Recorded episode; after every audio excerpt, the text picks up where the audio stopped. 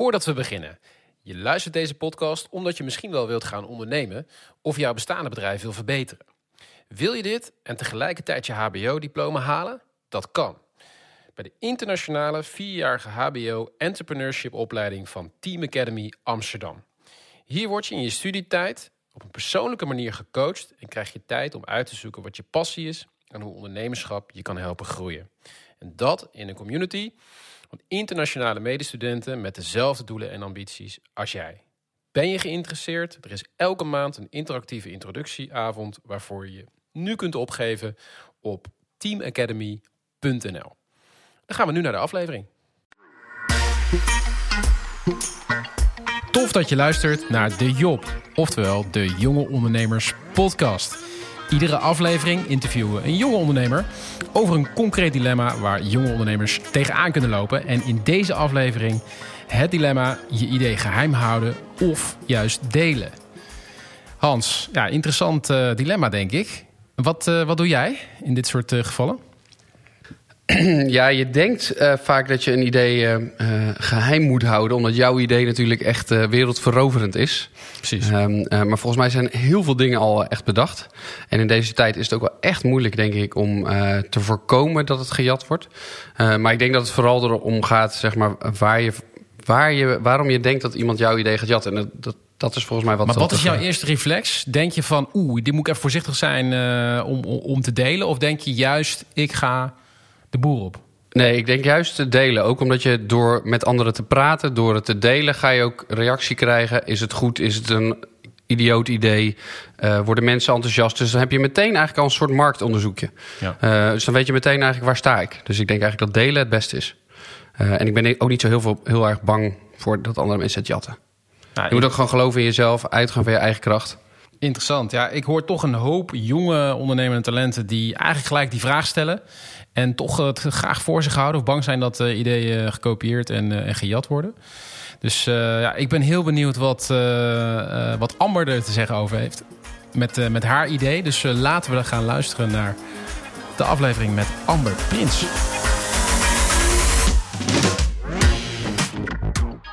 Welkom Amber. Ja, dankjewel. Leuk dat ik er ben. Ja, we vinden het heel leuk dat je er bent. En uh, ik zou zeggen, gooi je pitch erin die jij hebt voorbereid als het goed is. Ja, uh, nou, mijn pitch. Uh, ik wil mensen samenbrengen die twee verschillende schoenmaten hebben of één been. En daardoor altijd twee paar schoenen moeten kopen of één schoen niet gebruiken. Dit wil ik doen door een uh, platform te creëren waar deze mensen online hun schoenen kunnen verkopen en kopen. En dan op een schaal van heel Europa, dus niet alleen Nederland. Want dan heb je te weinig schoenen. En nou ja, daardoor worden er niet meer zoveel schoenen weggegooid. En kunnen deze mensen ook eindelijk keer passende schoenen kopen. Dat is mijn plan. Kijk. Kort gezegd. Strak, strakke pitch. ja. Uh, hoop gezegd. En je, wat ook mooi is, je, uh, ambitieus. Het klinkt in ieder geval heel ambitieus. Um, maar even terug naar wat het precies is. Je noemde even heel snel mensen uh, met één been of met verschillende maten. Vertel, wat, wat is het probleem voor hun? Want da daar is het jou om te doen volgens mij. Ja, nou, het begon eigenlijk bij mezelf. Of nou ja, ik heb het nog steeds. Ik ben geboren met twee verschillende maten schoenen. De vier maten verschil. Dus dan kan je niet zomaar een papiertje in je schoen proppen. Dus ik moet altijd twee paar vier schoenen Vier maten, hoeveel centimeter is dat? Ja, ik denk, uh, weet ik niet, vier centimeter dan? Ja. Zoiets, vier ik heb geen. Is een maat een centimeter? Ja, het zou best kunnen. Ja, zoiets. Nou ja, dus echt behoorlijk. Ja, zo'n groot verschil dat ik mijn rechtervoet op de kinderafdeling kan kopen. Ja. En mijn linkervoet uh, bij de volwassenenafdeling. Um, nou ja, toen ben ik eigenlijk gaan denken van... ben ik de enige die dit eigenlijk heeft? Ja, want, want uh, nog even uh, daarop aanhakend. Ja. Dat betekent dus, even voor het beeld ook... dat je altijd twee paar schoenen moet kopen. Ja, ik kom een winkel in, ik zie een leuke schoen... dan moet ik altijd vragen, heb je die in maat 36 en, en in maat 40? Ja. Bij het afrekenen, als een schoen 70 euro is... moet ik 140 euro afrekenen. Dus het is altijd keer twee? Ja, dus als ik schoenen zie, dan denk ik niet... oh, leuke schoenen voor 30 euro. Nee, dan denk ik, oh, leuke schoenen voor 60 euro. Precies. Dat is voor mij dan of nog goedkoop. Of tegen zit het nog even een stukje meer, ja. Ja. Ja, dat is het fors, ja. En hoeveel mensen hebben dit? Heb je daar, dat heb je misschien onderzocht? Ja, um, nou, ik heb vooral gekeken naar mensen die dan echt twee paar schoenen moeten kopen. Mhm. Want 30% ongeveer van de vrouwen en mannen heeft een verschil... maar dat begint al bij een halve maat. Ja. Uh, dus jullie hebben dat misschien ook. Maar merken dat niet goed. Ja, ik heb het een beetje, ja, klopt. Nou ja, daar, daar heb je het al. Ehm, en dan heb ik echt gekeken naar mensen die dan boven de twee maten, drie maten, die we- moeten wel echt twee paar schoenen Dan kopen. begint het een probleem te worden. Ja, en eh, in Nederland zijn dat 100.000 mensen boven de 18. Dus dan heb je nog geen kinderen meegeteld. Zo. En natuurlijk ook de mensen die maar één schoen gebruiken. Daar dacht ik later aan. Precies, dus Ja. die, eh, dat noem je de, eenbenige dan. Hè? Dus, Ja. dus mensen met, met en in principe maar één schoen nodig hebben. Ja, Dus dat, dat is eigenlijk eh, eh, ook waar je mee bezig bent geweest. Van, hey, waarom kun je niet gewoon één schoen kopen? Of hoe, hoe is dat Ja. gegaan?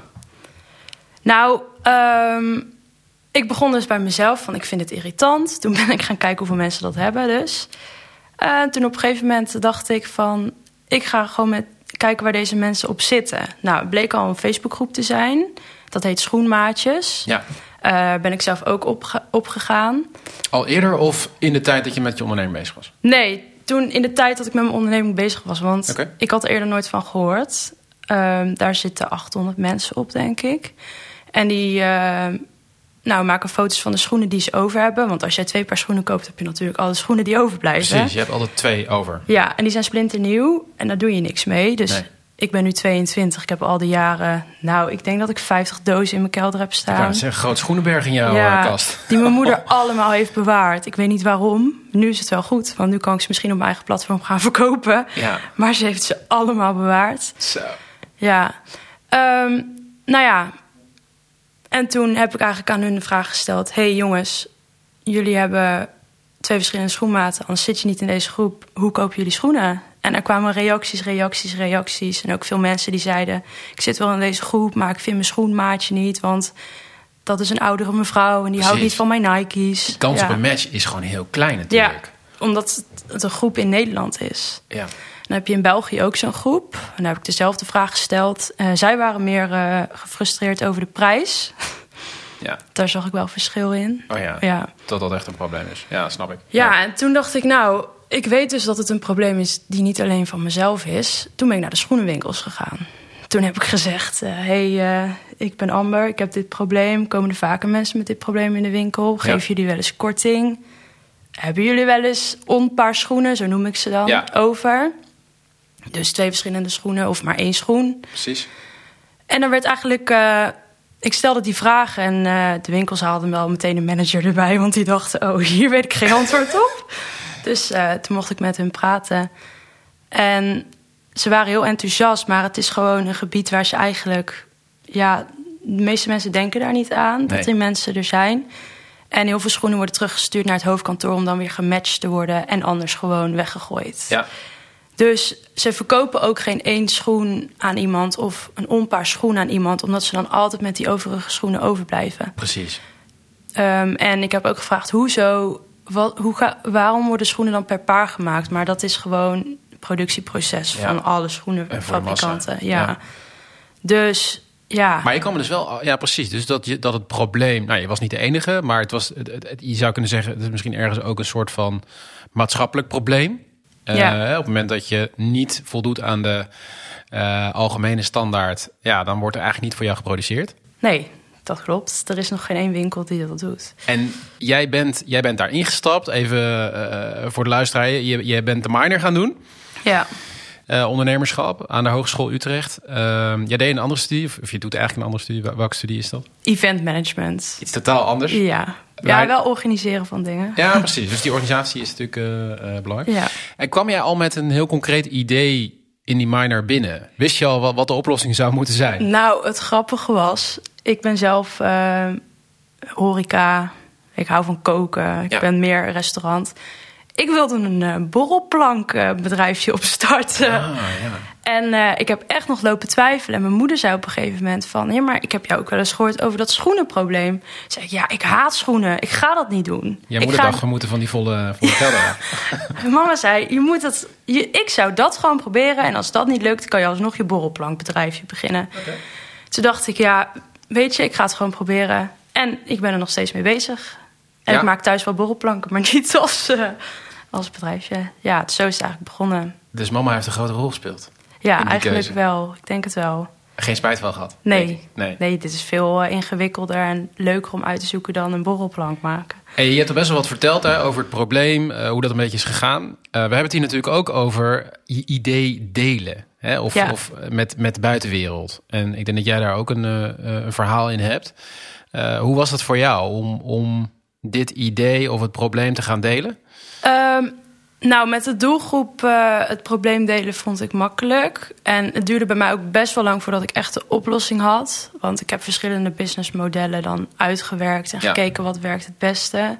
Maar toen ik eenmaal dacht van dit wordt het, dacht ik wel, oeh, als iemand anders dit hoort, Het is zo goed. Nou ja, nee, niet dat ik dacht dat het zo goed was. Maar ik vertelde het dan aan mijn ouders en aan mijn opa en oma. En gewoon aan vriendinnen. En die zeiden dan, dat is een goed idee. dacht ik, oeh, maar als zij het zo'n goed idee vinden... vindt iemand anders het misschien ook een goed idee. Die meteen kan opstarten, die... Want ik ben gewoon een student, ik heb niet zoveel geld. Ja, misschien een ondernemer in de, in de schoenenbranche... of die daar heel snel in zou kunnen schakelen. Daar was je bang voor. Ja, daar was ik wel bang voor. En waarom? Ja, ik dacht, heb ik dit uh, verzonnen? Ben ik hiermee gekomen? En dan uh, gaat iemand anders er vandoor. En ook omdat ik gewoon niet weet hoe dat allemaal werkt in die wereld. Ja, dus dat was ook een stukje onzekerheid misschien. Ja. ja. Want je zou ook kunnen zeggen... ik wil een probleem oplossen. Um, dat is een probleem van jezelf, maatschappelijk Ik heb daar een bepaalde rol in. Maar maakt me eigenlijk niet uit hoe het gebeurt. Als iemand anders het op wil pakken, ook goed met meer ervaring. Want dan gaat het misschien beter of sneller. Prima, ik werk wel mee. Ja, nee. Zou dat een probleem zijn? Jij wil dus wel zelf dit gaan doen. Ja, want ik was ook met de minor begonnen. Ik kon op het begin een groepje maken. Maar ik dacht, nee, ik wil het gewoon zelf gaan proberen. En waarom is dat zo belangrijk voor je? Ja, omdat, het, omdat ik het probleem zelf ook heb. En omdat het een soort kindje van me was geworden, Precies. denk ik. Ja. Ik weet het niet. Ik, Het zit gewoon in je, je voelt het, je, je stopt er de, Ja. de- je ziel en zaligheid in ja. om het op te lossen. Ik weet ook dat je heel veel hebt gedaan aan het spreken van mensen in de keten, maar ook van, van gebruikers, mensen die dit probleem ook eh, eh, hebben. ja. Dus er is ook een hoop tijd en energie eh, in gaan zitten. En misschien denk je ook wel van, nou, daar wil ik de vruchten daar ook van, van plukken. Of, hoe zie je dat eigenlijk ondernemerstechnisch? Ja, ik dacht, dan ben ik degene die het heeft opgelost. en dan, ja, ik dacht, ik wil het gewoon alleen proberen. Ja, nu ben je ik. dat lukken? Nou, nu ben ik erachter dat het dat niet gaat lukken met de oplossing die ik heb. Want het zit wel technisch in elkaar. Ja, dus je kwam op een gegeven moment achter, Ja. eh, ik ben bang om te delen, ik wil het alleen doen. Ja, Maar ja het moet wel. ja, En nu ben ik over de stap heen dat ik het heb. Ik heb nu ook een Instagram-pagina en eh, eh, ik heb een website aangemaakt waar mensen zich kunnen aanmelden die dit probleem hebben, zodat we samen dat ik een enquêtes kan uitgooien en kan vragen aan de doelgroep van hoe zien jullie dit het liefste. ja. Dus dat heb ik al wel eh, gedaan. Dus ik, van het afpakken van het idee ben ik niet meer zo bang. Maar nu is het meer van ja, wie, wie, wie kan ik dan vragen om mij te helpen? Wat heb je nodig? Ja, nou ja, iemand die kennis heeft wat ik niet heb. Ja, en op welk vlak is dat? ja, ik denk technische kennis, maar ook... eh, Ja, vooral technisch. hè. Ja. Je gaat een platform bouwen, dus je, Ja. dat, dat, dat vraagt een enorme technische kennis, skills. Ja. ja. En ehm, daar kom je dan achter, dus dan accepteer je dat. Waarom ben je nu minder bang dat het idee niet zomaar gekopieerd zou worden? Wat is daar dan gebeurd? dat weet ik eigenlijk niet. Dat ik nu minder bang ben. Vertrouwen? Vertrouw je nu meer gewoon van, hé, hey, het is van mij, ik deel het met mensen.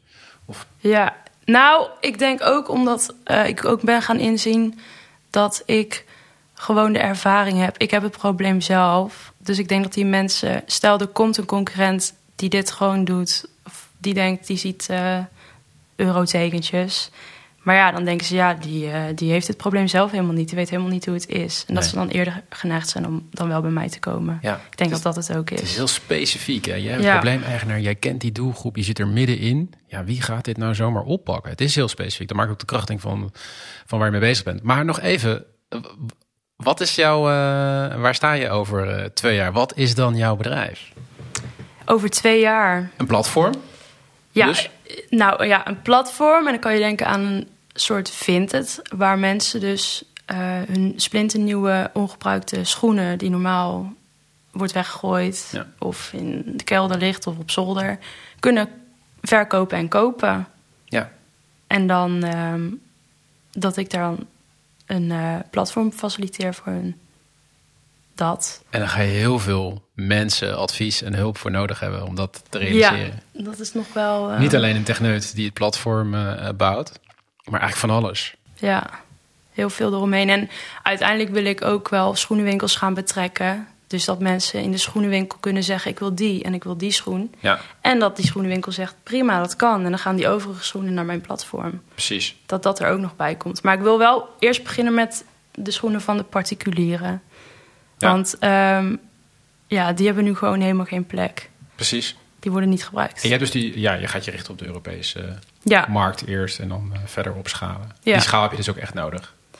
Ja, want als ik kijk dan naar die Facebookgroepen, het is heel moeilijk om je maatje te vinden. Precies. En Nederland is al heel klein. Ja. Maar bijvoorbeeld als je naar Europa kijkt, zijn het rond 2 miljoen mensen die dit probleem hebben. Um, dus dan kom je al veel verder. Ja, en dan heb je nog geen eens de mensen met één been. Nee, precies. Dus, Dus die ja. komen daar dan nog bij. Ja. Hey, um, er is dus iets gebeurd en je krijgt meer vertrouwen in dat proces om, om dat te delen. Welke, welke tip geef jij jezelf als je nou eens een half jaar terugkrijgt? Want het is nog maar een half jaar geleden dat je begon. Ja, klopt. Um, nou, ik vond het echt heel eng om naar mensen toe te gaan, dit gewoon te vertellen. Zeg maar de mensen die ik niet ken. Familie Ja. en vrienden vind ik niet eng, die kennen mij al heel mijn leven. Dus ik, als ik met dit idee kom, denken ze, oh goed. Maar meer naar de schoenenwinkels. En uh, op een gegeven moment ben ik ook naar een recycle uh, bedrijven gaan mailen. En was ik uitgenodigd door een directeur van een recyclebedrijf. En toen dacht ik wel even, oeh, durf ik dit? Ja, Ga ik dit vertellen? Um, wat, welke vragen gaat hij allemaal stellen? En uiteindelijk denk ik, ja, je moet het gewoon doen. Je moet het gewoon proberen, want als je het niet doet, dan gebeurt er niks. Dat is het. Dus Ja. uiteindelijk heeft de ervaring je misschien wel het meeste gebracht. Dus door het gewoon Ja. te doen, ervaar je van... Misschien wel, weet ik niet wat zo is, maar het is eigenlijk niet zo heel spannend. En ik moet Nee. ook gewoon naar buiten. Ja, En dan zie je eigenlijk dat mensen misschien... Leg ik het een beetje voor jou, voor jou in hoor, maar dat, dat ze je gewoon willen helpen. ja, dat klopt. Want op het begin denk je, ah, dan zie je jezelf als, als een student, een jonge student die eh, met een plannetje komt. Ik dacht ook, die mensen gaan mij niet serieus nemen, maar het was het tegenovergestelde. Ja. Maar je gaat naar de doelgroep en de doelgroep, dat heb ik gezien, want ik heb jou ook begeleid. Hè? Dus de, de, de, doelgroep die zegt, ja, eh, los mijn probleem op. Weet je wel? Je gaat naar een recyclebedrijf en de meneer van het recyclebedrijf, die heeft gewoon een recyclebedrijf te runnen. En die denkt, hey, dit zou een mooie toevoeging zijn. Maar die gaat niet zo snel eh, daar een bedrijf naast zetten om dit specifieke probleem aan te pakken. Nee. Hetzelfde gaat voor een schoenenwinkel. Moet gewoon een schoenenwinkel runnen voor de massa, meestal. Ja. Ehm, en dit zou iets heel bijzonders kunnen zijn op een veel grotere schaal. Eh, en vinden ze het mooi om misschien mee te denken of je te helpen? Ja. Ja, ja, zo ging het eigenlijk. Maar dat had ik niet verwacht. Dus daarom moet je het ook gewoon doen. gewoon doen. Ja, gewoon doen. En naar buiten gaan. Maakt Ja. dus niet uit ook wanneer. Je hoeft het niet voor je te houden. Nee. Nou, mooi. Ja. Ja, ik denk dat dat een hele concrete tip is. Ehm, want ik ja, kom veel jonge ondernemende talenten tegen die vragen van... ja, maar ik ga dit nu toch niet. Dit is zo goed, dit idee. Ja, een idee is vaak net zo goed als dat het slecht is, zeg ik altijd dan. Mhm. Ehm, dus ga maar. Je komt er alleen maar achter als je, als je het gaat testen. En dat kun je alleen maar doen door eh, naar buiten te gaan. hey, wie moeten wij eh, volgen? Wie heeft jou geïnspireerd? Nou, het is niet een bekende. Ik denk niet in ieder geval dat jullie haar kennen. Ehm, eh, Sophie Weesie. Ehm, Sophie Weesie. Sophie Weesie. Oké. Ja, eh, het is de zus van mijn vriend. en ik heb bij haar stage gelopen in de foodtruck. eh, in de coronatijd. Ja, En toen keek ik al heel erg tegen de op dat ze gewoon doorging. Eh, heel veel foodtruckers zijn gestopt, omdat ja, je kon niet meer op festivals staan. Zij was ook een van de eerste die benaderd werd door buurtkeukens. Ik weet niet of jullie dat kennen. zeker. Maar dan sta je dus in de buurt met een foodtruck en zij is dat gewoon gaan doen. En eh, daarnaast heb ik ook met haar eh, meegeholpen met een kerstpakkettenbedrijf. En ik denk dat zij ook wel mijn duwtje in de rug is geweest. Want ik moest bedrijven gaan benaderen van wil je mijn kerstpakket afnemen? En zij zei je gaat gewoon bellen. Je gaat gewoon Je bent gewoon sales gaan twintig doen. bedrijven gaan bellen. Je moet dat gewoon doen. Ja. Toen dacht ik, oh nee, dat kan ik toch helemaal niet. Zij zei, wel. Toen ben ik dat gaan doen en daardoor ben ik ook meer gewoon durven... Ja, naar buiten durven eh, stappen, zeg maar. ja. En nu begint ze ook een lunchroom en een delicatessenzaak. Ja. Mooi. Dus die heeft behoorlijk eh, doorgepakt, ook juist in moeilijke tijd. Ja, En jou laten zien hoe je dus gewoon eh, naar buiten moet treden en eh, de boer op moet. ja, Om je idee, of in dit geval je product te verkopen. ja, dat vooral. hey, waar kunnen we haar vinden? Nou, ze gaat een delicatessenzaak en lunchroom beginnen in Amersfoort. Dus dat is dichtbij hier, dicht bij Utrecht. Ja, Het heet Bij Sophie. bij Sophie. Bij Sophie, Cool. ja. We zullen het ook opnemen in de show notes. Ja, leuk. Hey, dankjewel Amber. Ja, graag gesprek. gedaan. Ja, dat was, eh, dat was Amber. Met, ja, je bedenkt het niet hè, zo'n idee. Ik vind het echt een geniaal idee. Ik heb er nog nooit over nagedacht. Maar ik, ik heb bijvoorbeeld nu een paar sportschoenen waarvan de één kapot is. Dat zou geniaal zijn als ik er nog een andere er ook bij kan kopen. Dat kan natuurlijk ook inderdaad. Ja, het is niet alleen maar voor die Nee, mensen die zij benoemd. Maar ik heb nu één schoen met een gat. Mijn lievelingsschoenen. Ja. Dat had ze eigenlijk weg weg kunnen nemen. Ja, dan hebben ze veel meer massa. Ja. Veel meer schaal. Nou, Amber, als je luistert. Ja, ik vond het echt een geniaal idee. En eh, ehm, eh, ook wel grappig dat ze meteen bang is dan dat het idee mogelijk gejat zou kunnen Ja, worden. want daar Dat ging het natuurlijk over inderdaad. Ja. Terwijl, ja, precies wat jij ook zei, ehm, eh, is volgens mij het geval. Heel veel mensen hebben hun eigen ding.